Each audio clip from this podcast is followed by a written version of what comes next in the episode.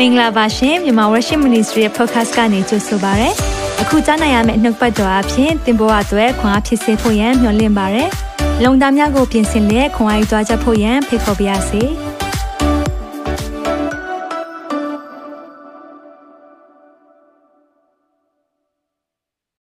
Shalom everyone ဖျားရှင်နာမ၌ day 19ကနေကြိုဆိုပါရယ်ဖျားရှင်အရန်ကောင်းမြတ်ပါရယ် day 19တိုင်ပို့ဆောင်ပေးတယ်နေ့ရက်ပဲကြံနေတော့ယုံကြည်သူသားသမီးများအာတင်ထားပါကျွန်တော်တို့ finish line ပန်းတိုင်ရောက်တော့မယ်21ရက်သွားခြင်းဒီနေ့19ပြီးရင်မနေ့ဖြစ်တဲ့တပတ်ခါကျွန်တော်စနေတင်းကနေပြီးရင်ကျွန်တော်ရဲ့အစာရှောင်ခြင်းတစ်နှစ်တာလုံးအတွက်ကောင်းကြီးတွေများစွာရမယ် ဖခင်ရဲ့လမ်းပြခြင်းတွေခံစားရမယ့်အရာတွေကိုမျှော်လင့်ပါတယ်အာမင်ဒီနေ့ဝမ်းသာတယ်ရောက်စီတိုင်းတွေ့ရလို့ဘုရားရှင်ရန်ကောင်းမြတ်တယ်အရောက်စီတိုင်းကြိုးဆိုတယ်နော်ကြည့်တဲ့အခါမှာကမ္ဘာနောက်ချမ်းလည်းရှိတယ်ကမ္ဘာရှေ့ချမ်းလည်းရှိတယ် Middle East ကနေလည်းရှိနေတယ်ဘုရားရှင်ရန်ကောင်းမြတ်တယ်ဘာကြောင့်လဲ ညီကိုတွေသဘောတူလျက်ပေါင်းဖော်တဲ့အရာမှာအလွန်ကောင်းတယ်အာမင်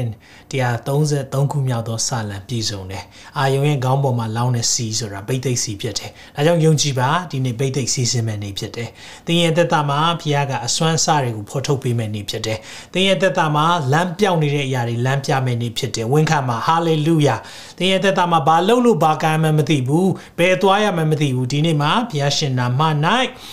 ရောက်စီတိုင်း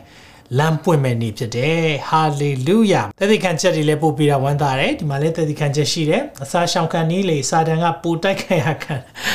အစာရှောင်ရင်စာတန်တိုက်ခိုက်တယ်အစာရှောင်နဲ့တင်းရဲ့အစာရှောင်ခြင်းကဘုရားနှစ်သက်သလားသိချင်ရင်တခုနဲ့တိုင်းလို့ရတယ်အဲ့ဒါပါလေသိလားစာတန်တိုက်ခိုက်တယ်နော်စာတန်တိုက်ခိုက်တယ်ဒီရက်ပိုင်းမှာဆိုလဲစာတန်တိုက်ခိုက်ခြင်းပို့ပြီးပြင်းလာတယ် ဘာကြောင့်လဲသိလားတင်းရဲ့အောင်မြင်ခြင်းကပိုပြီးနီးလာလို့ဖြစ်တယ်ဟာလေလုယာစာတန်တိုက်ခိုက်ခြင်းပိုပြီးပြင်းလာရင်ပို့ပြီးတော့တင်းရဲ့အောင်မြင်ခြင်းပို့ပြီးနီးလာလို့ဖြစ်တယ်ဒါကိုတည်ထားဖို့ဖြစ်တယ်အသင်းတော်ဆိုတာနိုင်ရန်လေးဖက်ထဲမှာပဲရှိတဲ့အရာမဟုတ်ဘူးနိုင်ရန်လေးဖက်အပြင်ကိုရှိတဲ့အရာဖြစ်တယ်သင်ရှိတဲ့အရာအသင်းတော်ဖြစ်တယ်ဒါကြောင့်မလို့အားလုံးကိုဒီနေ့ မြန်မာ worship ကနေကြိုးဆိုတယ်မြန်မာလူမျိုးတွေ worship လုပ်လို့ရတဲ့နေရာ hallelujah သိကောင်းမြတ်တယ်ဒါကြောင့်မလို့ကျွန်တော်တို့တခါတည်းပဲနှုတ်ပတ်တော်ဆင်ခြင်ရအောင်ဒီနေ့မှာပြောမယ့်အကြောင်းအရာဒီ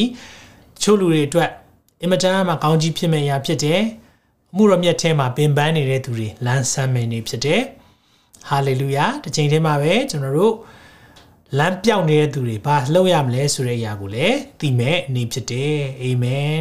ဟုတ်ပြီကျွန်တော်တို့တခါတည်းပဲကျွန်တော်တို့စက္ကန့်အနှံ့ရအောင် share ပေးကြလို့ဝမ်းသာတယ်ကျွန်တော်တခါတည်းပဲစရအောင်ဆုတောင်းရအောင်ကျွန်တော်တို့လည်းဆုတောင်းပေးပါအာမင်ဖခင်ရဲ့ဝိညာဉ်တော်ဖခင်သင်ကျွန်တော်ကိုနှုတ်ပါဆက်ရှာမှာအသုံးပြုပြီးတော့သင်ရဲ့နှလုံးသားမှာစကားပြောဖို့ဖခင်ပဲတတ်နိုင်တယ်ဒါကြောင့်ဖခင်ကိုအားကိုးရအောင်ခဏလောက်အာမင်သက်ရှင်တော်ဖခင်နာမတော်ကိုချီးမွမ်းနေပို့ဆောင်ပေးတဲ့ရအတွက်ယေရှုတင်တယ်ချီးမွမ်းခြင်းဂုဏ်ပြုခြင်းအလုံးကိုရောပေးတယ်ကိုရောသိကောင်းမြတ်လွန်းပါတယ် ကျွန်တော်တို့အပေါ်မှာလို့ဝန်ခံပါတယ်ကိုရောကောင်းမြတ်ပါတယ်မြန်မာ worship မိသားစုများအပေါ်မှာလို့ဝန်ခံပါတယ်ကိုရောဒီနေ့ကျွန်တော်တို့တွေကိုရော local အတွက်ပဲစဉ်းစားခဲ့ပေမဲ့ကိုရောဟာ global အတွက်စဉ်းစားထားတဲ့ဖရားဖြစ်တယ်ဒီအတွက်ကြီးမားတဲ့ကိုရောရဲ့ အကြံစီနဲ့အလိုတော်ကိုအံ့ဩလို့မဆုံးပါဘူးကိုရောဒါကြောင့်ကိုရောအနေနဲ့ရရက်တကဘာလုံးကကဘာတဝမ်းကသားသမီးတွေကိုတော့ပို့ဆောင်ထားပေးလို့ဂျေဇုတင်တယ်ဒီနေ့နှုတ်ပတ်တော်အပြင်အသက်တာမှာခွန်အားဖြစ်စေပါ day 19 19ရက်မြောက်စာရှောင်ခြင်းမှာဖခင်ရဲ့ခွန်အားနဲ့သွားနိုင်ပါမိကြောင်းဝိညာဉ်တော်ဖျားလမ်းပြပါဒီနေ့တော့ပါဇက်ရှာကိုအပ်ပါတယ်ကိုတော့စက်ပစ္စည်းမှာရှာပြီး internet line မီးတွေအားလုံးကိုတော့လက်ဝင်နိုင်အပ်ပါတယ်ကိုတော့အတူပါရှိ၍လမ်းပြပို့ဆောင်တဲ့အစီအစဉ်ဖြစ်စီပါအ ထူးသဖြင့်ခံယူမဲ့နှလုံးသားများဒီကနေ့ကြားတဲ့နှုတ်ပတ်တော်အဖြစ်လမ်းဆန်းရတဲ့ခွင့်ပေးပါဘာလို့လို့ဘာကိုင်းမှမသိတဲ့သူတွေလမ်းတွေ့ရတဲ့ခွင့်ပေးပါကိုတော့အမှုတော်မြတ်ချင်းမှာပြင်ပန်းနေတဲ့သူတွေအတွက်လမ်းဆန်းပြီးတော့ကိုရောရဲ့အစီကိုတာ၍ခံနိုင်မှုအကြောင်းဖြစ်ပါစေ။ဂျေဇုတင်နဲ့ပို့ဆောင်တဲ့အရာတွေလမ်းပြတဲ့အရာတွေဂျေဇုတော်ကိုချီးမွမ်း၍သားတော်မြတ်သခင်ရှုနာမ၌ဆုတောင်းဆက်ကအနံပါ၏ပါ။ အာမင်ဝန်ခံနေကြနှုတ်ပတ်တော်ဝန်ခံရအောင်တင်းနဲ့သုံးနှုတ်ကပတ်တော်သည်ကျွန်ုပ်ခြေရှိမှာမိခွက်ဖြစ်၍ကျွန်ုပ်လမ်းခီကိုလင်းစေပါ၏နှုတ်ပတ်တော်ရရင်အလင်းရမယ်ကိုယ့်ရဲ့လမ်းဘုရားကဘယ်သွားရမလဲဆိုတာပို့ဆောင်ပေးလိမ့်မယ်ဟာလေလုယာ အာမင်အာမင်ဆိုတော့ဒီနေ့က day 19ရောက်လာပြီဒီ19မှာပါဝင်ကြတာဝမ်းသာတယ်အကယ်၍ဒီနေ့မှကြည့်ဖြစ်ရင်မနှောက်ကြသေးပါဘူး3ရက်မိသေးတယ်เนาะဒီနေ့ရဲ့19 20နှစ်တစ်เนาะကျွန်တော်3ရက်စာရှောင်လို့ရသေးတယ်အာနံပါတ်1ကတော့အချိန်ပြည့်စာရှောင်တာဖြစ်တယ်နံပါတ်2ကတော့အချိန်ပိုင်းစာရှောင်တာဖြစ်တယ်နံပါတ်3ကတော့အတိုင်းလစာရှောင်တာဖြစ်တယ်နံပါတ်4ကတော့မီဒီယာရှောင်တာဖြစ်တယ်เนาะရေများများတောက်ပေးပါအာခွန်အားဖခင်ကပေးပါလိမ့်မယ်အာမင် အာမင်ဟုတ်ပြီကျွန်တော်တို့ဒီနေ့ကတော့ talents အစွမ်းအစများဆိုတဲ့အကြောင်းကိုပြောပြခြင်းတယ်ဖခင်ကလူတိုင်းကိုအစွမ်းအစပေးထားတယ်အဲ့ဒါနဲ့အရင်စရအောင်ဖခင်ကလူတိုင်းကိုအစွမ်းအစပေးထားတယ်ဆိုတာသိဖို့လိုတယ်တချို့တွေကခေါင်းကုန်တယ်ဖခင်ငါ့ကိုပါအစွမ်းအစပေးထားတယ်မသိဘူးစုံအောင်နားထောင်ပါဖခင်ကဒီကနေ့မှာကိုယ့်ကိုပေးထားတဲ့အစွမ်းအစကိုဖော်ထုတ်ပေးလိုက်မယ် အာမင်အစွမ်းစာတွေပေးထားတယ်ဒါကြောင့်ကျွန်တော်ဒီအစွမ်းစာတွေဘာကြောင့်ပေးလဲအစွမ်းစာတွေပေးတာအကြောင်းရှိတယ်ကျွန်တော်နှုတ်ပတ်တော့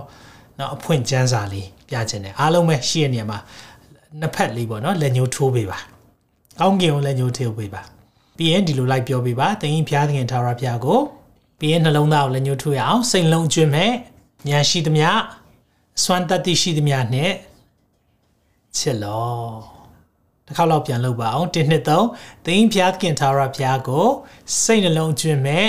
ဉာဏ်ရှိသမျှစွမ်းတတ်သိရှိသမျှနဲ့ချစ်လော။ဘာနဲ့ချစ်ခိုင်းလဲစိတ်နှလုံးဉာဏ်စွမ်းတတ်သိဒါကြောင့်ဒီနေ့ talent အစွမ်းစာတွေဖျားပေးထားတာဟာလေသူ့ကိုလေနီလန်ပေါင်းစုံနဲ့ချစ်ဖို့ရန်အတွက်သင်ကိုပြင်ဆင်ထားတာ။အဲတော့သင်ကနှလုံးသားနဲ့ချစ်တယ်ကောင်းတယ်။ကိုယ့်ရဲ့အုံနောက်နဲ့ချစ်တယ်ကောင်းတယ် ဒါပေမဲ့သင်ရဲ့အစွမ်းအစနဲ့လည်းချစ်တတ်ဖို့လိုတယ်ဘုရားဟောအဲကြောင့်ကျွန်တော်တို့ကိုဘုရားအစွမ်းအစပေးထားတဲ့အရာတွေအားလုံးမှာကျွန်တော်ဘယ်လိုသွားမလဲဒါကိုဒီနေ့လေ့လာရအောင်ဒီနေ့ဘာတွေကြားရမလဲကြားရမယ့်အရာတွေကတော့ဘုရားသခင်ဟာသင်ဘဝရဲ့နံပါတ်1ဖြစ်တဲ့၍အရာအားလုံးနေရာကြနိုင်မယ်အစွမ်းအစမှာလည်းဘုရားကိုနံပါတ်1ထားရမယ်နော်ကျွန်တော်တို့ကအစွမ်းအစတွေကအလုတ်ကိုပေးလိုက်တာများတယ်တော်တော်များများပေါ့နော်ကျွန်တော်တို့ အသင်းတော်တွေမှာပါဝင်တဲ့သူတွေအလုပ်ကိုကျွန်တော်တို့က9ရက်လုပ်ကြတယ်တချို့6ရက်လုပ်တယ်ဒါမဲ့ Sunday မှာဝတ်ပြုကိုးကွယ်ခြင်းမှာ2နာရီမှာကျွန်တော်အစွမ်းစားတွေမပေးချင်တော့ကုန်သွားပြီတပတ်တာလုံးလောကကိုပေးလိုက်တဲ့ခါမှာအိမ်တော်လာတဲ့ခါမှာအစွမ်းစားတွေကကုန်တယ်လို့ဖြစ်နေပြီအဲ့လိုမဖြစ်ပါစေနဲ့ဒီကနေ့မှာလောကအတွက်ကျွန်တော်အလုပ်လုပ်တာမဟုတ်ဘူးအာမင်လောကအတွက်အလုပ်လုပ်တာမဟုတ်ဘူးဝန်ခံပါလောကအတွက်ကျွန်တော်အလုပ်လုပ်တာမဟုတ်ဘူး ဖခင်ကလောကမှာအလင်းဖြစ်ဖို့ပဲထားတာကျွန်တော်လောကမှာလှုပ်လှုပ်လှုပ်လှုပ်လှုပ်လှုပ်တဲ့ခါမှာကုံသွားပြီကုံသွားတဲ့ခါကျတော့တကယ်တမ်းတင်းတော်မှာပါဝင်တဲ့အခါမှာလာတဲ့ခါမှာဘာဖြစ်သွားလဲဆိုတော့စွမ်းစားတွေကကုံပြီးတော့အားမရှိတော့အဲ့ဒီမှာအသင်းတော်ကထက်မြက်တင်တယ်လို့မထက်မြက်တော့အသင်းတော်ကဖြစ်ထွန်းတင်တယ်လို့မဖြစ်တင်တော့အသင်းတော်ကအလင်းလင်းတင်တယ်လို့မလင်းတော့ဒါကြောင့်ဒီကနေ့မှာဒီအစွမ်းစားတွေကိုကျွန်တော်တို့တွေဖော်ထုတ်မယ် အဲ့ဒီအရာတွေအားလုံးနဲ့ဘုရားလက်ဝဲ၌ကျွန်တော်တို့တွေဘယ်လိုမျိုးသွားရမလဲဆိုတာကိုလေ့လာရအောင်ဒီသင်ခန်းစာမှာစွမ်းစားတဲ့အကြောင်းလေ့လာမယ်သခင်ရဲ့မျှော်လင့်ချက်ဆိုတာကိုသိဖို့လိုတယ်အစွမ်းစားထည့်ပေးထားတဲ့ဘုရားလကားထည့်ထားပေးတာမဟုတ်ဘူးတင်စီကနေမျှော်လင့်ချက်ရှိတယ်နော်သူမျှော်လင့်ထားတဲ့အရာရှိတယ်နောက်ပြီးရင်သစ္စာရှိခြင်းဆိုတဲ့အရာလေးကိုလည်းပြောပြပေးမယ် အကြောင်းစွမ်းစားတဲ့အကြောင်းဒီနေ့ကြားရမယ်။သခင်ကဘာမျှော်လင့်ထားလဲဆိုတာကိုသိရမယ်။ပြီးရင်သစ္စာရှိခြင်းဆိုတဲ့အကြောင်းလေးကိုဒီနေ့လေ့လာရအောင်။ဖျားသခင်ဟာတင့်ဘွားရဲ့နံပါတ်1ဖြစ်တယ်ဆိုရင်အရာရာဟာနေရာကျနေလိမ့်မယ်။ဒါပေမဲ့အဲ့ဒီရဲ့ဆန့်ကျင်ဘက်ပါတယ်။ဖျားသခင်ဟာတင့်ဘွားရဲ့နံပါတ်1မဟုတ်ဘူးဆိုရင်တော့ဘာကိုမှဘယ်နေရာမှကျနေမှာမဟုတ်ဘူး။ဒါကြောင့်ကျွန်တော်တို့ဒီဒီရဲ့နှစ်သက်မှာ21ရက်အားလုံးမိသားစုတွေအစာရှောင်ကြတာ ဖះဘလောက်ဝမ်းသာမလဲကျွန်တော်တို့တွေသူ့ကိုနံပါတ်1ထားတယ်နှုတ်ပတ်တော်တွေနဲ့သွားတယ်ဆူတောင်းကြတယ်အတူတကွမိသားရဖွဲ့ကြတယ်တွေ့ကြတယ်ဒီຢာတွေအားလုံးမှာဖះကတင့်ကိုဖွင့်ပြမယ့်ຢာတွေရှိတယ်ဆိုတော့နေရာကျနေအောင်လို့2024မှာ21ရက်သွားတာဖြစ်တယ်အာမင်ဖွင့်ကြံပိုက်တစ်ပိုက်ဖတ်ချင်တယ်ဒီနေ့အင်စာကိုလည်းရှမသက်25ကိုဖတ်စိတ်ချင်တယ်ရှမသက်25ရဲ့အကြောင်းအရာလေး ဖတ်ချင်တယ်ငယ်သား၃ယောက်ရဲ့ဥပမာဆိုအဲဒီမှာသခင်ပြောရရလေးဥပမာကလူတဦးသည်အခြားသောပြည်သို့သွားမည်ဟုအကြံရှိလျက်မိမိငယ်သားတို့ကိုခေါ်၍မိမိဥစ္စာများကိုအပိသူတို့သည်လိုက်ပြောပါအသီးသီးအစွမ်းတတ္တိရှိသည့်အတိုင်းအသီးသီးအအစွမ်းတတ္တိရှိသည့်အတိုင်းတူဦး၌ငွေခွက်50တူဦး၌20တူဦး၌30ကိုအပ်ပြီးမှချက်ချင်းသွားလေ၏ အခွက်90ကိုခံတော်သူသည်တွား၍ဂုံသွဲခြင်းကိုပြုသဖြင့်အခြားသောအခွက်90ကိုအမြဲရ၏ထုံနည်းတူအခွက်20ကိုခံတော်သူသည်လည်းအခြားသောအခွက်20ကိုအမြဲရလေအခွက်30ကိုခံတော်သူမိသည်ကတွား၍မြေ၌တွင်းတူပြီးလင်အရှင်ငွေကိုဝတ်ထားလေကျွန်၃ယောက်တွေ့ရတယ်ကျွန်လို့ပြောတဲ့အရာကဖခင်ကသူ့ရဲ့ကျွန်လို့ပြောပြီးဆိုရင်ဒါကယုံကြည်သူသားသမီးတယ်ဖခင်ကသူ့ကိုသူ့နောက်လိုက်တဲ့သူတွေလို့သဘောပေါက်တယ် ဒါကြောင့်ဒီຢာလေးကြည့်တဲ့အခါမှာလူ၃ယောက်တွေ့ရတယ်နော်အခွက်50အခွက်20အခွက်30 3ယောက်ပေးတဲ့အခွက်ပမာဏတူလားမတူဘူးဘာကြောင့်မတူဘူးလဲအသီးသီးအစွမ်းတတ္တိရှိသည့်အတိုင်းလို့ပြောထားတယ်ဒါကြောင့်မလို့ကျွန်တော်တို့နားလဲရမယ်ကြည်ရအောင်အငယ်19မှာကာလကြာမြင့်ပြီးမှအဲ့ဒီစကားလုံးလေးအရေးကြီးတယ်ကာလကြာမြင့်ပြီးမှဆိုတာတော်တော်လေးကြာတဲ့အချိန်ကျမှပြန်လာတယ်စည်ရင်ယူမယ်တဲ့ ဖះစည်ရင်ပြန်ယူမယ်နော်ဒီနေ့မိတ်ဆွေနားလဲပါတင့်ကိုလောကမှာထားတဲ့ဟာအကြောင်းရှိတယ်အစွမ်းတက်သည့်တခုခုထည့်ထားပြီးမှပဲလောကကိုပို့လိုက်တာဒါပေမဲ့တင်တတိမထားမိမဲ့အရာလေးတခုကအရှင်ပြန်လာပြီးစည်ရင်ကောက်မယ်ဆိုတာကိုကျွန်တော်မသိဘူးစီရင်ကောက်မယ်ဆိုတာကိုသင်သိဖို့လိုတယ်ဒီနေ့မှာစီရင်ပြန်ယူမယ်တဲ့ဖေဟာစီရင်ပြန်ယူမယ်စီရင်ပြန်ယူမယ်ဆိုရင်ဘာလုပ်မလဲဘလို့ယူသလဲ အခွက်90ခံတဲ့သူကိုလာတဲ့ခါမှာအခွက်90ခံတဲ့လူကဘာပြောလဲချင်းကပ်၍အခြားသောအခွက်90လို့ပြောကြည့်ပါခြားသောအခွက်90အခြားသောအခွက်90ကိုဆက်လျက်ဆိုသူက90ပေးထားတယ်နောက်90ယူလာတယ်သခင်ကျွန်ုပ်၌အခွင့်50ကိုအပ်ပေးပြီးအခြားသောအခွင့်50ကိုကျွန်ုပ်အမြဲရပါ၏ဟုရှောက်လေ၏အဲ့ဒါနဲ့ဗာပြောလိုက်လေသခင်ကတာဒု တစ္ဆာရှိတော်ငယ်သားကောင်တင်းဒီအမှုငယ်၌တစ္ဆာဆောင်လေပြီးများစွာသောအမှုအခွင့်ကိုတင်နိုင်ကအပ်ပေးပြီးတင်းသခင်နဲ့အတူစီးစိမ်ကိုဝင်စားလောဝင်စားလောတဲ့ကဲအခွင့်20သမားကလည်းထိုနည်းလိုက်အတိုင်းပဲကိုတော့အခွင့်20အပ်တာအခြားအခွင့်20တိုးတယ်တဲ့အဲ့ဒါနဲ့သခင်ကဟာသာဓုသစ္စာရှိသောငယ်သားအမှုငယ်၌သစ္စာဆောင်တယ်များတဲ့အမှုတွေကိုအပ်ပေးအောင်မယ်နော်ထပ်ပေးအောင်မယ်နော်တဲ့သင်ဤသခင်နဲ့အတူစီစဉ်ကိုဝင်စားပါတဲ့ နှစ်ယောက်လုံးပြောတယ်နော်ဒါမဲ့ကျွန်တော်တို့သတိထားမယ်ရလေအဲ့ဒီမှာ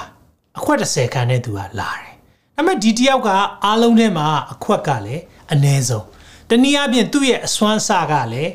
အ ਨੇ ဆုံးသခင်စီကရထားတဲ့ပမာဏကလည်းအ ਨੇ ဆုံးဒါပေမဲ့အဲ့ဒီအ ਨੇ ဆုံးတယောက်ကဘာလုပ်သွားလဲဆိုတော့သခင်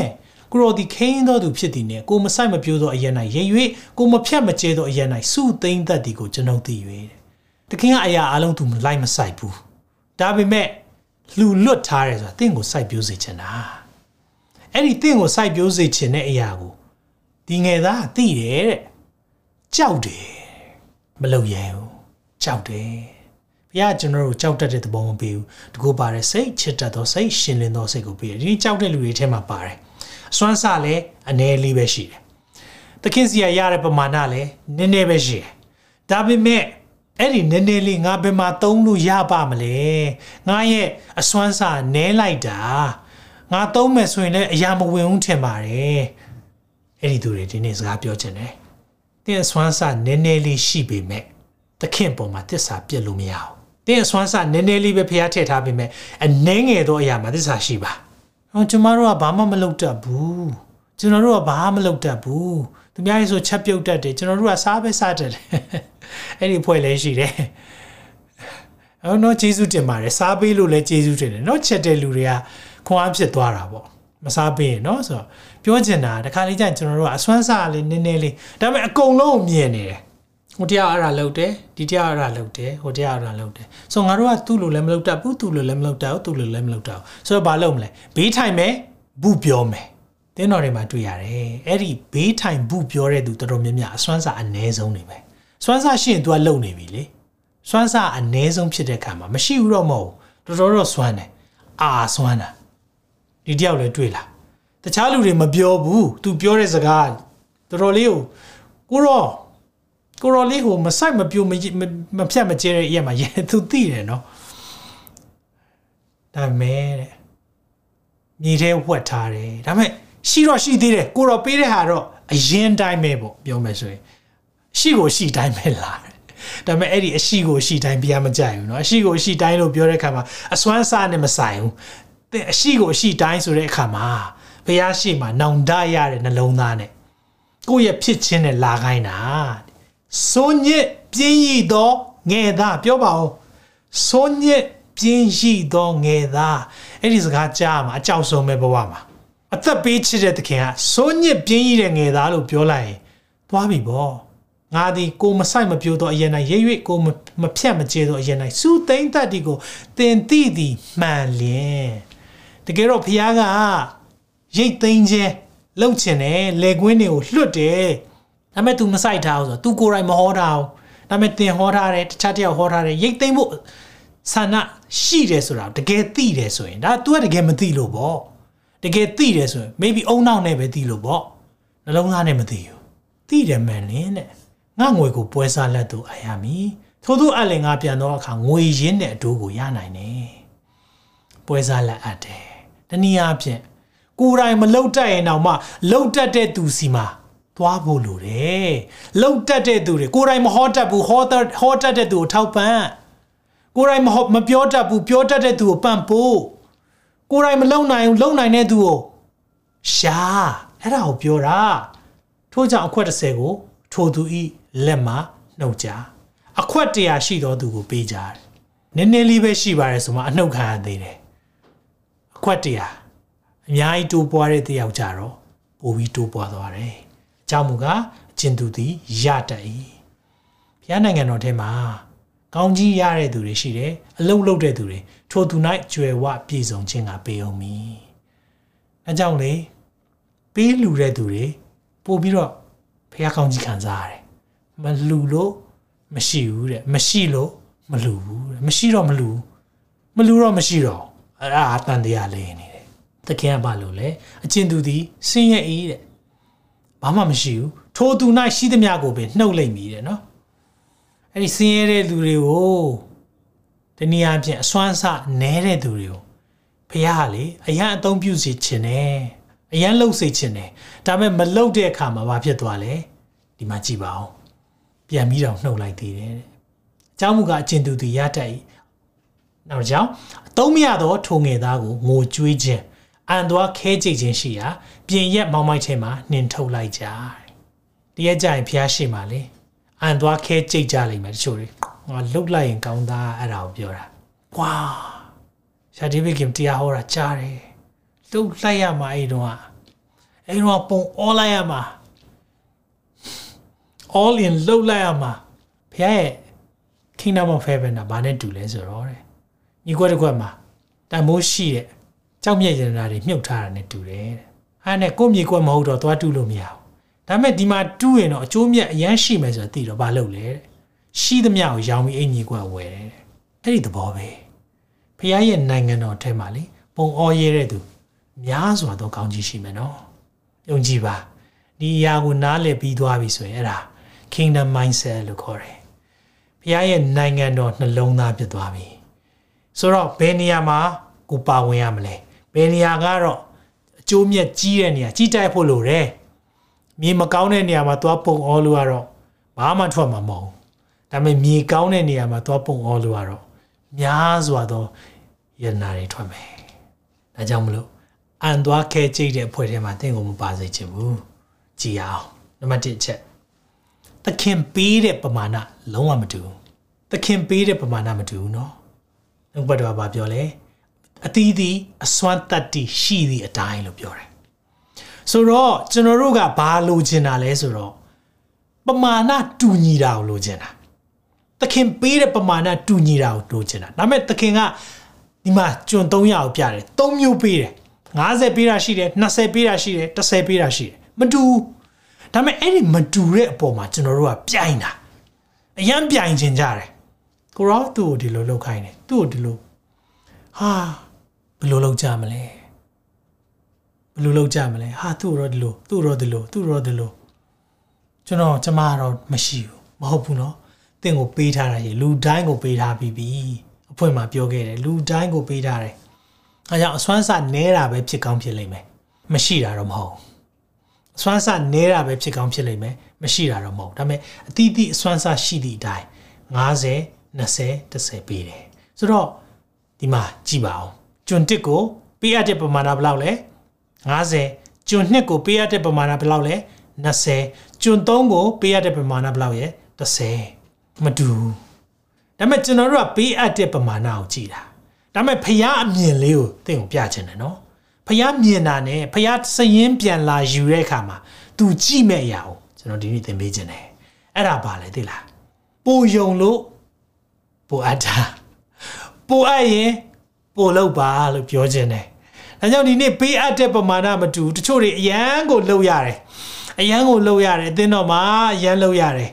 ပိုယုံလို့ ပိုအပ်တာနိုင်ငံတော်ထဲမှာပိုပြီးလှုပ်ရတယ်သူများတဲ့ပိုယုံလို့ပိုအပ်တာဒါကြောင့်ဒီနေ့ခွန်အားပေးခြင်းတယ်တချို့တွေနော်တချို့တွေကတော့ပပလေးပဲပါပါတယ်အသင်းတော်တွေမှာလေဧည့်သည်လှုပ်ရတာအရန်လွယ်တယ်ရှာရှည်ရတာအရန်လွယ်တယ်ဒါပေမဲ့တကယ်တမ်းထဲထဲဝင်ဝင်အသင်းတော်ကိုတိဆောက်ခြင်းတဲ့နှလုံးသားနဲ့ပါဝင်တာအရန်ခက်ခဲတယ်ထပ်ပပလေးပါဝင်တော့လွယ်တာပေါ့သင်တော်ကိုသွားတယ်တချို့တွေက သင်တော်ကိုသွားတဲ့အခါမှာခပ်ပပ entertainment လို့ပေါ့ဩသချင်းဆိုတယ်ဩဒီမှာအိမ်ပြီးသွားပြီတနားရီခွဲခပ်ပပလေးပဲမိတော့မမီဘူးအချိန်ကဘလောက်ပါလဲဆိုတော့အချိန်တော်မှအပြည့်မပေးခြင်းဒါပေမဲ့တကယ်တမ်းအသင်းတော်တိဆောက်နေတဲ့သူတွေလေနောက်ွယ်မှာအလုပ်လုပ်နေတဲ့သူတွေအများကြီးထားရတယ်အဲ့လိုထမ်းတာလေဒီနေ့ခွန်အားပေးခြင်းနဲ့တင့်ကိုဖျားကောင်းကြည့်ပေးပါစေပိုယုံလို့ပိုအပ်ထားတယ်သင်ဟာအခွက်90ရှိတော်သူဖြစ်တယ်ဟာလေလုယာ သင်အများကြီးလုပ်နေရတယ်အခွက်90ရှိတော်သူဖြစ်တယ်သင်ကိုဖျားကပိုယုံလို့ပိုပိုအပ်ထားတာပိုအပ်တဲ့အတွက်ပိုလုပ်ပါကျွန်တော်မကြာခဏပြောဘူးတယ်ဖျားကျွန်တော်အပ်တဲ့ပမာဏအင်မတန်မှများတယ်အစအနားမလဲဘူးမာတီတယ်လန့်လို့ပဲ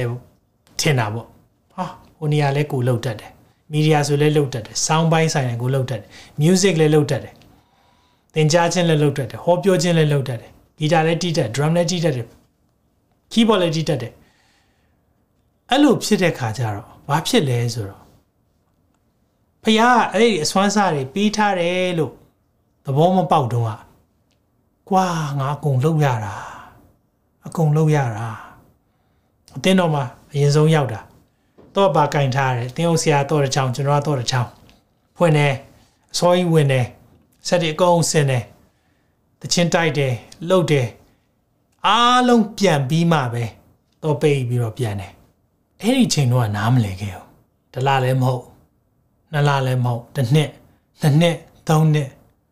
အဲ့ဒီအချိန်ကြီးရောက်လာတဲ့ခါမှာဘုရားသိတယ်အဲ့ဒီအစွမ်းစာကိုလေ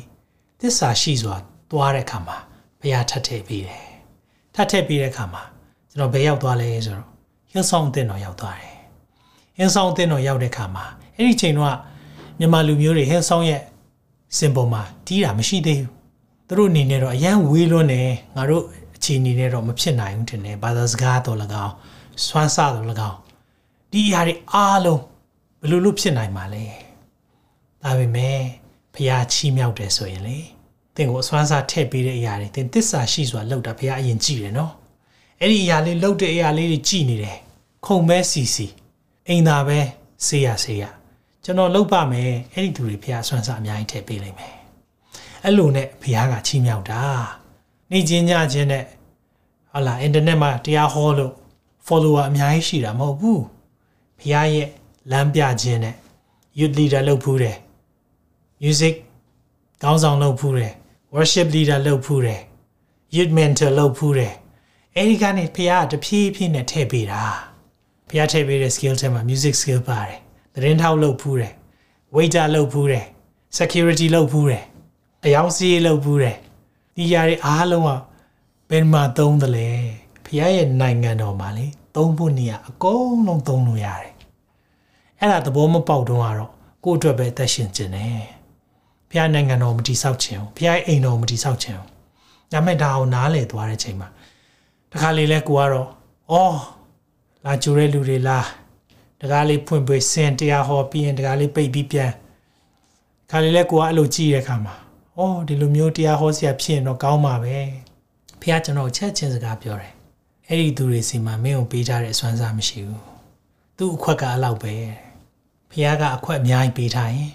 ပိုယုံလို့ပိုအပ်တာပိုအပ်ရင်ပိုလုပ်ပါပြောကြည့်အောင်ပိုယုံလို့ပိုအပ်တာပိုအပ်ရင်ပိုလုပ်ပါ ဘုရားရဲ့အမြင်လေးချက်ကြည့်အောင်နံပါတ်1သခင်ပေးတဲ့ပေးအပ်ထားတဲ့ပမာဏအတိုင်းတိုးပွားရန်လှုပ်ဆောင်ပါသခင်ပေးထားတဲ့ပမာဏရှိတယ်50ရှိတယ်20ရှိတယ်10ရှိတယ်ဒါပေမဲ့ကျွန်တော်တို့တာဝန်ကပါလေတိုးပွားအောင်လုပ်ဖို့လိုတယ်တိုးပွားအောင်လုပ်ဖို့လိုတယ်အဲဆိုရင်ဒီမှာကြည့်ရအောင်ခွက်50က50တိုးလာတယ်အခွက်20က20တိုးလာတယ်ဒီမှာကြည့်ပါကျွန်းတစ်က ပေးအပ်တဲ့ပမာဏကဘယ်လောက်လဲ50တိုးတဲ့ပမာဏကဘယ်လောက်လဲ50စုစုပေါင်းဘယ်လောက်ဖြစ်သွားလဲ100ကျွန်းနှစ်ကပေးအပ်တဲ့ပမာဏက20တိုးတဲ့ပမာဏက20စုစုပေါင်းပမာဏကဘယ်လောက်လဲ40ပေါ့20ပေါင်း20ကဲကျွန်း3ပေးအပ်တဲ့ပမာဏ30ပဲတိုးပွားခြင်းကဘယ်လောက်လဲ3ညမတိုးဘူးဆိုတော့သူစုစုပေါင်းဘယ်လောက်ပဲပြန်ကြံလဲ30ပဲ အရင်တိုင်းပဲအရင်တိုင်းပဲမပြောင်းလဲဘူးမနေ့ယနေ့နောက်ကာလမပြောင်းမလဲအဲ့လိုမျိုးဖះလို့တော့မရှိဘူးဒါဖះဖះရဲ့ဖြစ်ခြင်းကိုပြောတာကျွန်တော်တို့ကမယနေ့ယနေ့နောက်ကာလမပြောင်းကိုယ်အစွမ်းစားတယ်မတိုးပွားဘူးအဲ့လိုဖြစ်ဖို့ဖះလို့တော့မရှိဘူးဒီမှာကြည့်ပါနော်ပေးရတဲ့ပမာဏရှိတယ်တိုးပွားတဲ့ပမာဏရှိတယ်စုစုပေါင်းသခင်စီယူလာတဲ့ပမာဏရှိတယ်အဲ့ဒီပမာဏတွေကိုဒါလူအမြင်ဒါပေမဲ့သခင်အမြင်လေးကိုပြောပြမယ်သခင်အမြင်နံပါတ်3ချက် သစ္စာရှိခြင်းဆိုတာတိုးပွားခြင်းဖြစ်တယ်သစ္စာရှိတယ်လို့သခင်ကပြောတာကတိုးပွားတဲ့လူကိုပဲပြောတာဘာကြောင့်လဲဒီမှာအခွက်90လာတဲ့သူကိုတာဓုသစ္စာရှိသောငွေသားအကောင်းလို့ပြောတယ်တိုးပွားသွားလို့အခွက်20နောက်20တိုးတဲ့လူကိုတာဓုသစ္စာရှိသောငွေသားလို့ပြောတယ်10ခွက်မတိုးတဲ့သူကိုဘာပြောလဲစိုးညစ်ပြင်းရည်သောငယ်သားသစ္စာရှိတယ်လို့မသုံး ဒီလေသစ္စာရှိခြင်းကျွန်တော်တို့လူသတ်မှတ်တဲ့သစ္စာရှိခြင်းနဲ့ဖះသတ်မှတ်တဲ့သစ္စာရှိခြင်းလုံးဝမတူဘူးနော်လူသတ်မှတ်တဲ့သစ္စာရှိခြင်းကိုပြောပြမယ်ကျွန်တော်ကငွေသသိန်းသိန်းအောင်အပ်ခဲ့မယ်ဝေးသွားတယ်မိတော်မိနေပြီနောက်ပြန်လာတဲ့ခါကျတော့ဟာနှစ်ပေါင်းများစွာကြာဆရာဆရာအပ်ထားတဲ့ငွေသသိန်းလေးရော့ပြန်ပေးပါတယ်ဟာကွာငါတော်မိနေပြီကွာသစ္စာရှိလိုက်တာမင်းမပေးလဲငါတော်သိတော့မှာမဟုတ် အဲ့ဒါလူရဲ့သစ္စာရှိခြင်းတခင်ဟောလို့သွားလို့ကြည့်လေတခင်ကိုတော့ပေးထားတဲ့10ခွက်ရှိတယ်သိလားရော့10ခွက်တပြားမှမပြောက်ရှာအောင် wicked and lazy တဲ့အဲစကားသုံးထားတယ်စိုးညစ်ပြင်းရည်တဲ့ငယ်သားအစွမ်းစားမပေးဘူးမရှာဘူးတိုးပွားမယ်နီလန်ဒုံရင်ကဒုံရင်ပဲရှိတဲ့ဆယ်ခွက်တောင်ပျောက်မလို့လို့ဖြစ်နေနောက်ဆုံးတော့ပျောက်သွားတယ်ဘာလို့သခင်ပြန်ယူလိုက်တယ်လေတွေ့လားမိတ်ဆွေ သခင်ပြန်ယူလိုက်တယ်လေသူ့ထံကနေနှုတ်မယ်တဲ့အဲကြောင့်ဖခင်ကအစွမ်းဆက်တေးသေးလေးထည့်ထားပေးတယ်မလုပ်ဘူးမလုပ်တော့သူများလုပ်သွားတယ်ကျွန်တော်ညမ worship page ကိုစထောင်တော့အများကြီးစာရေးလာကြတယ်ကျမလည်းလုံမလို့ပဲတဲ့ကျွန်တော်လည်းလို့လုံမလို့ပဲတဲ့ဖခင်ကပြောထားအများကြီးရှာကြတယ်မလုံလို့လေတင်မလုံလို့လေကျွန်တော်ကိုပေးလိုက်တာသိလားတင်မလုံရင်သူများကိုပေးအောင်မယ်နော် ချုပ်လူတွေထဲမှာဖះခွဲခန့်ထားတာရှိတယ်ဆူတောင်းတတ်တယ်ဆူမတောင်းအဲ့ gift ပျောက်သွားပြီအစီခံခြင်းတယ်အာ complain တက်တယ်အစီခံရတာကို complain တက်တယ်ဘာလို့လဲဆို thank you မကြားလို့တင်းအောင်ဆရာစီကနေအဲ့ဒီ gift ပျောက်သွားတယ်ဖះနှုတ်နှုတ်ပါချုပ်လူတွေနှုတ်မယ်မပါဝင်ရတာကိုဆရာကိုကူညီပေးတယ်တော့ဟလာအတင်းတော်ကိုကူညီပေးတယ်လို့ထင်တာမဟုတ်ဘူးမဟုတ်ဘူးကူညီဖခင်ရဲ့နိုင်ငံတော်ထဲမှာဒီဆောက်ခွင့်ရတာ ကူညီပေးတာမဟုတ်ဘူးမတိုးပွားဘူးနှုတ်ခါမယ်ဒီနေ့သတိပေးတယ်နော်တချို့လူတွေအစွမ်းစားတေးသေးလေးကြံသေးတယ်ဒီနှုတ်ဘတ်တော့ကြာရင်တင်းတင်းတင်းရဲ့တက်တာမှာတေးသေးလေးကြံနေသေးတယ်သုံးပါသုံးပါဖခင်နိုင်ငံတော်ထဲမှာသုံးပါမသုံးဘူးဆိုရင်ဖခင်ဖယ်မယ်ကိုယ့်ရဲ့အစွမ်းစားတွေဖယ်မယ်ဘာမှသုံးမရတဲ့ငယ်သားလို့ဖြစ်သွားမယ်ဖခင်အဲ့လိုမျိုးအလိုမရှိဘူးတဲ့ဟော အာမင်ဒါကြောင့်မလို့ဖခင်ရဲ့တစ္ဆာရှိခြင်းဟာပါလေတိုးပွားခြင်းတိုးပွားတဲ့သူဖခင်တစ္ဆာရှိတယ်လို့သတ်မှတ်တယ်လူရဲ့တစ္ဆာရှိခြင်းဟာအရင်တိုင်းပြန်ယူလိုက်တစ္ဆာရှိတယ်လို့မြင်တယ်ဒါကြောင့်ဖခင်ရဲ့အမြင်နဲ့သက်ရှင်တတ်ဖို့လိုတယ်အာမင်ဒီမှာတစ်ချက်ကြည့်ပေးပါဒီမှာကြည့်အောင်ဒီမဿဲ25ထဲမှာဘာဘဘာသင်ခန်းစာရလဲပေးအပ်တဲ့ပမာဏ 90ကနောက်90ယူလာတဲ့အခါမှာဖယားကလေရာဂိုင်နှုန်းဘလောက်တိုးတယ်လို့မြင်လဲ100တိုးတယ်လို့မြင်တယ်100တိုးတာနော်20သမားကနောက်20ပါလာတာရာဂိုင်နှုန်းနဲ့ဘလောက်တိုးလဲ100တိုးတယ်လို့မြင်တယ်ကျွန်တော်တို့ကမြင်ကျင်တာကြတော့ပါလေသိလားကို့အခွက်နဲတာကိုမြင်ကျင်တယ်90သမားကိုမကျင်တတ်ဘူး तू က90တောင်လောက်တယ်ကျွန်တော်က20ပဲရှိတယ် no သင်ကအခွက်ကိုကြည်တာ သခင်ကယာနှုံးကိုကြည်တာဒါကြောင့်လေသူများလှုပ်ချင်တိုင်းလိုက်မလုံနဲ့သူများလှုပ်တိုင်းလိုက်မလုံနဲ့ကိုကိုကိုကိုဖျက်အပ်ထားတဲ့ဟာပဲလှုပ်ကိုဖျက်အပ်ထားတာ9ယောက်ဆိုအဲ့9ယောက်ပဲကြည့်များလို့လိုက်မလှုပ်ချင်နဲ့ကိုအပ်ထားတာဖျက်2ယောက်ဆို2ယောက်ပဲကြည့်သင်ယာနှုံးပြည့်လှုပ်တယ်လို့ဖျက်မြင်ချင်တာထားပါတော့အဲ့90သမားက25ခွက်ပဲယူလာတယ်ဆိုပါစို့50ဖျက်အပ်ထားတယ် 25ခွက်တဝက်ပဲယူလာယာနှုံးဘယ်လောက်တိုးလဲရာနှုန်းဘယ်လောက်တိုးလဲ तू 50ပဲတိုးတာဒါဆို20သမားထက်တော့ तू များသေးလား25ဆိုတော့များတာပေါ့ပမာဏအနေနဲ့တော့ဒါပေမဲ့ဖះအနေနဲ့ကြတော့မင်းတဝက်ပဲလုပ်တယ်မင်းရာနှုန်းပြည့်မလုပ်ဘူးပဲမင်းအားလုံးမပေးဘူးပဲခြံထားတာဟဲ့ဘာအတွက်ခြံထားရလဲဒီနေ့ဖះခြံထားဖို့ အလိုမရှိဘူးရာနှုန်းပြည့်သုံးဖို့အလိုရှိတယ်ဟာလေလုယာဟာလေလုယာအာမင်သင်ကိုပူယုံတယ်ပူအပ်လေပူလို့ပါလှုပ်ဆောင်နိုင်သောပမာဏထက်ဒိုးပွားနှုံးသာအရေးကြီးသည်ပြန်ပြောမယ်နော်လှုပ်ဆောင်နိုင်သော ပမာဏထက်ဒိုးပွားခြင်းသာအရေးကြီးတယ် လှုပ်ဆောင်နိုင်တဲ့ပမာဏကျွန်တော်တို့ကလိုက်လိုက်ရှင်းချင်တာလှုပ်ဆောင်မှုပူလှုပ်ချင်တာဟာဟိုဘက်မှာလှုပ်နေပြီဟာဟိုအဖွဲ့လုံနေပြီဟာဟိုအဖွဲ့လုံနေပြီကျွန်တော်လာပြောတယ်ဆရာဟိုအဖွဲ့မှာလေဟို music တွေတင်နေကျွန်တော်ကျမတို့လည်းဒီမှာတင်မတင်ဘူးဟာမြန်မာစာတင်မြန်မာစာလိုက်တင်မတင်ဘူးကိုယ်ခွန်းနဲ့ကိုပဲကိုယ် talent နဲ့ကိုပဲကိုယ်အစွမ်းတက်ကြီးနဲ့ကိုပဲလိုက်လို့ဆရာမလို့ လိုက်လို့တယ်ဆိုတော့နောက်ွယ်မှာပါရှိလဲသိလားသင်ဘသူဖြစ်တယ်လဲမသိလို့တင့်ကိုဖျားပေးထားတဲ့အစွမ်းစာကိုမသိလို့ကော်ပီကြီးပဲဆွဲတာကော်ပီပဲဘာသုံးတယ်လဲကော်ပီဆွဲမယ်ဆိုတာကြီးပဲမြန်မာလူမျိုးတွေကကော်ပီဆွဲတာအရန်ဝါနာပါတယ်ခက်တီတီပဲနော်ခက်တီတီပဲကိစ္စမရှိဘူးဆွဲတာပဲ အဲ့ဒီတိတ်ခါလေးဆယ်ပါလားတခါလေးကြာရင်လေကို့အစွမ်းစားနဲ့ကိုလှုပ်လှုပ်ပါလားဘုရားကိုပေးထားတာဘာ gift လဲဒီဆိုခြင်းလားဒီဆိုပါဒါပေမဲ့ကိုဟောပြောခြင်းမှာမထားရင်မဟောပြောပါနဲ့အများသောဆရာမလုပ်ပါနဲ့ကိုဟောပြောခြင်းမှာလုပ်ထားတယ်ဟောပြောပါအဲ့ဒီအချိန်မှာတခြားလူတွေ လုပ်တယ်လို့လိုက်မလုပ်ပါနဲ့ဒါမဲ့တခုတော့ရှိပါတယ်ဖခင်အခွက်ကိုအမြဲတမ်းတူတူပေးတတ်တယ်ကျွန်တော်အရင်တော့ကတော့ဂီတာပဲတီးတာပါဂီတာတီးခြင်းမှာသစ္စာရှိတဲ့ခါမှာဖះတခြင်းဥဆောင်ခြင်းမှာပါတွဲပေးလိုက်တယ်တခြင်းဥဆောင်ခြင်းမှာပါသစ္စာရှိတဲ့ခါမှာဖះ music director ဆိုတဲ့အပိုင်းကိုပေးလိုက်တယ်အဲ့ဒီအပိုင်းမှာအစိခံတယ်ကျွန်တော်၈နှစ်တောင်စိခံခဲ့တာနောက်ွယ်မှာ အဲ့ဒီ၈နှစ်လုံးဖះဘာဖွင့်ပြတယ်လဲနှုတ်ပတ်တော်တွေဖះအသုံးပြုတဲ့ဖះလူတွေပြောသွားတဲ့အရာလေးတွေကျွန်တော်အမြဲတမ်းကိုကတော့တော်တော်များများ musician တွေရတယ်။ဘာရှိတတ်လဲဆိုတော့ပါဝင်နေဆိုသူတို့ music တီးပြီးပြီးပြီပဲ။နောက်ကပတ်တော်ဆိုတာစိတ်ဝင်စားအောင်။နောက်ကပတ်တော်ဆိုရင်ပြောရင်ဆိုရင်ထွက်သွားတာတို့ဖုန်းကြည့်တာတို့တန်းတာတို့ခဏခဏတွေ့တယ်။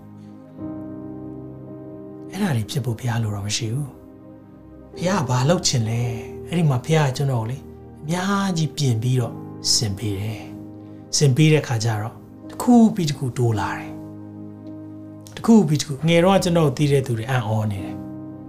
ဒါပေမဲ့ကျေးဇူးတော်ပဲဘုရားကလေဒီနေ့ဒီထဲမှာကြည်နေသူအများကြီးကျွန်တော်ငယ်ကလေးကသိတဲ့လူတွေရှိတယ်အံ့ဩတယ်မအံ့ဩပါနဲ့သစ္စာရှိလို့ဘုရားတိုးပွားခွင့်ပေးတာ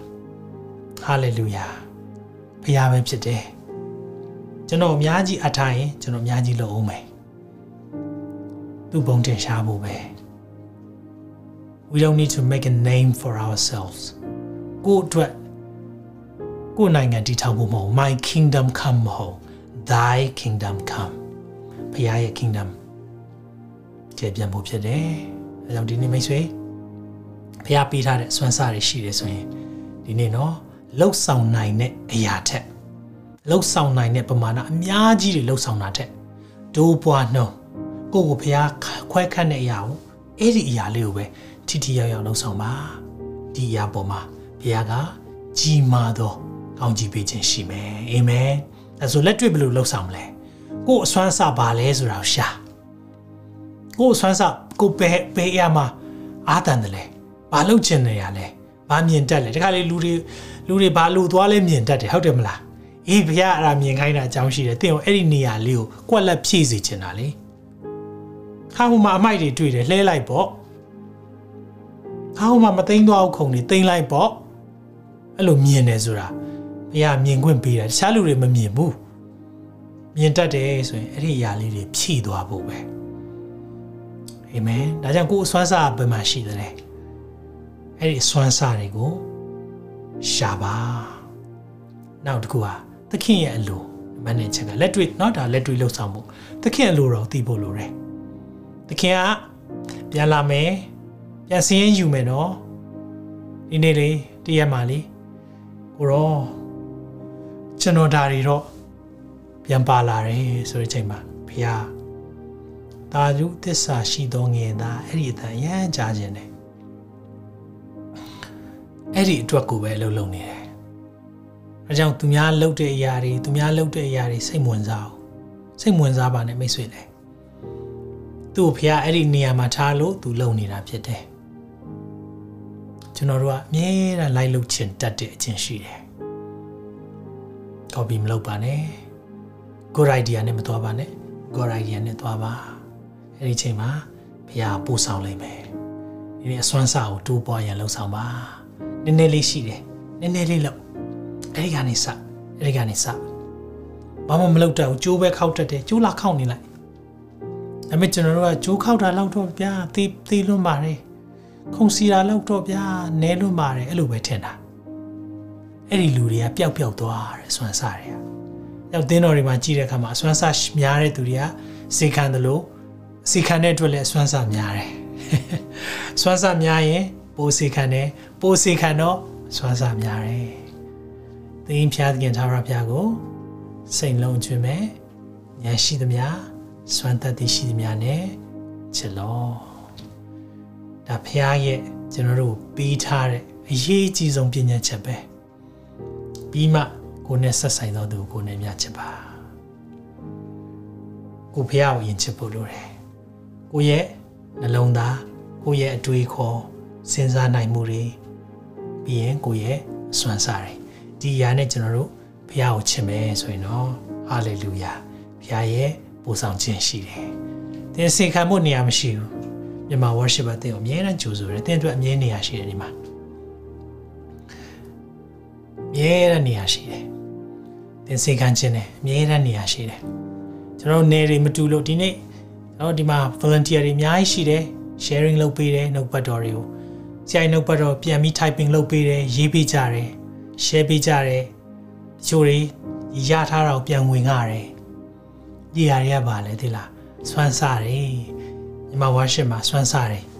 အိမ်တော်မှာစိုက်ပျိုးကြည့်ရတယ်ကိုယ့်ရဲ့မျိုးစေ့ကဘာအပင်လဲမသိဘူးဘာလို့ရလဲဒီလားမြေထဲမှာမြုပ်ထားကြည့်လိုက်မြေကောင်းတဲ့နေရာနော်မြေဩဇာကောင်းတဲ့နေရာမှာအဲ့ဒီမျိုးစေ့လေးကိုမြုပ်ကြည့်လိုက်အပင်ပေါက်လာဩသိပြီဘာအပင်လဲဆိုတာ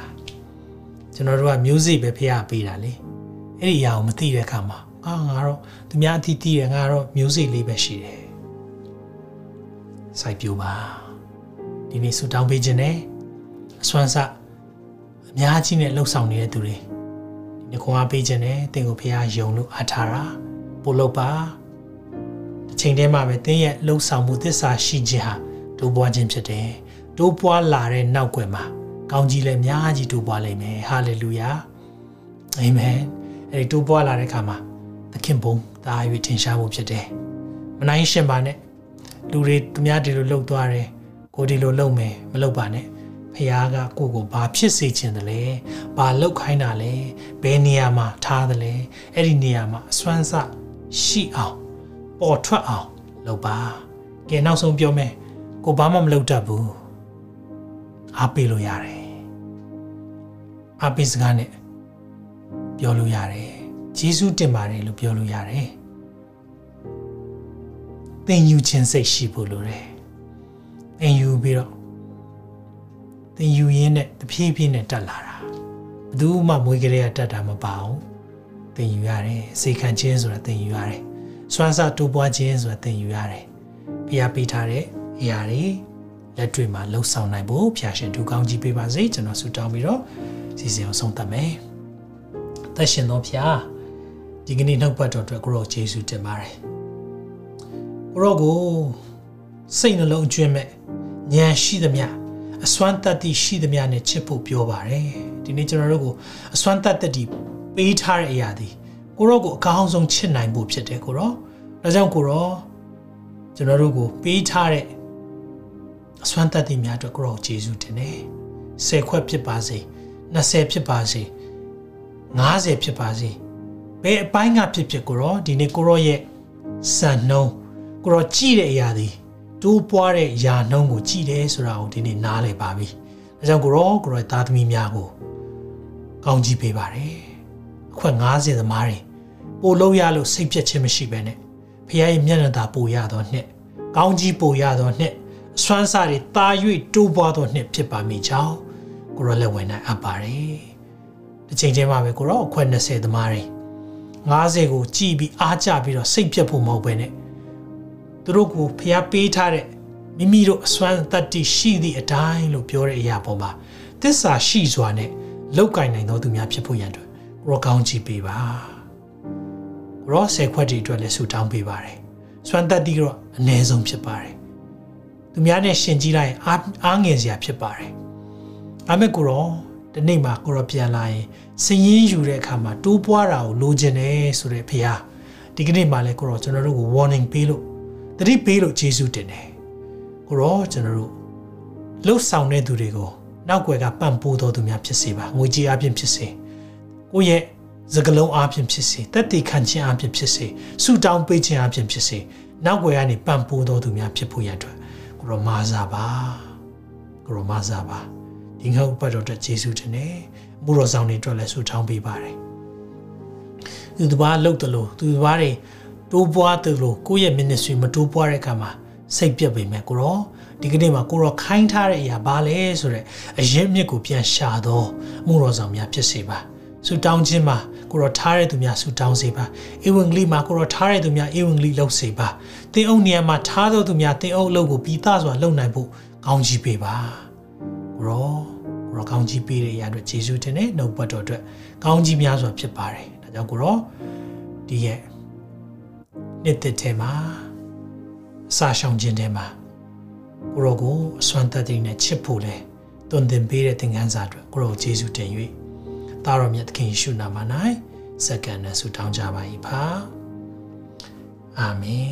အာမင်အာမင်ဖျာရှင်သူကောင်းကြီးပေးပါစေ လက်ဖြစ်မှလည်းအရေးကြီးတဲ့နှုတ်ပတ်တော်ဆက်လက်ဝင်သွားဖို့ရှိတယ်အဲကြောင့်မလို့ပါဝင်ပါဘုရားရဲ့အစွမ်းစာတွေဖော်ထုတ်နိုင်ပြီးတော့ဘုရားရဲ့မျက်နှာသာရလျက်ဒီနေ့မှာတာဓုသစ္စာရှိသောငယ်သားဆိုတဲ့စကားကိုကြားရသောယုံကြည်သူများဖြစ်ဖို့ဘုရားရှင်ထူကောင်းကြီးပေးပါစေဘုရားလိုတော်ရှိရင်မနေ့ဖြစ်မှာပြန်လဲဆုံးတွေ့ရအောင် DTS တို့လည်းဘုရားကိုကျေးဇူးတင်တယ်ကျွန်တော်တို့မျှော်မှန်းထားတာတဲ့ များကြီး register လုပ်ထားတယ်ဒါကြောင့်ကျွန်တော်တို့ second class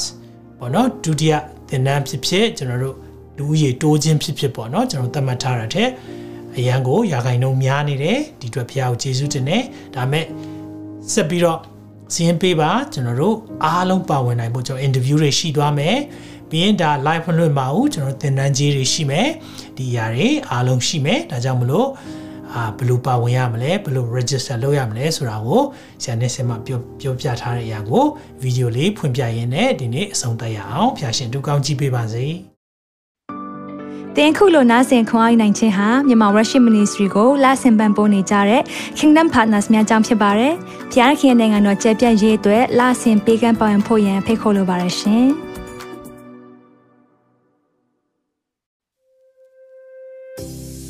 ခုကြားနာခဲ့ရတဲ့နှုတ်ပတ်တော်အဖြစ်ခွန်အားရရှိမဲ့လို့ယုံကြည်မျှော်လင့်ပါတယ်။ခွန်အားရဆိုလို့ရှိရင်ဒီတစ်ပတ်နဲ့ပြန်လည်ဝေမျှပေးဖို့ရန်တောင်းဆိုပါရစေ။မြန်မာ Worship Ministry ရဲ့ website myanmarworship.com ကိုလည်းလာရောက်လေ့လာဖို့ရန်အတွက်ဖိတ်ခေါ်ချင်ပါတယ်။တချိန်ထဲမှာမြန်မာ Worship Ministry ရဲ့ social media platform များဖြစ်တဲ့မြန်မာ Worship YouTube Channel, မြန်မာ Worship Facebook Page နဲ့မြန်မာ Worship Instagram များကိုလည်းလာရောက်လေ့လာဖို့ရန်အတွက်ဖိတ်ခေါ်ချင်ပါတယ်။နောက်တစ်ချိန်မှာပြန်လည်ဆုံတွေ့ကြပါစို့။ဖျားရှင်ကောင်းကြီးပေးပါစေ။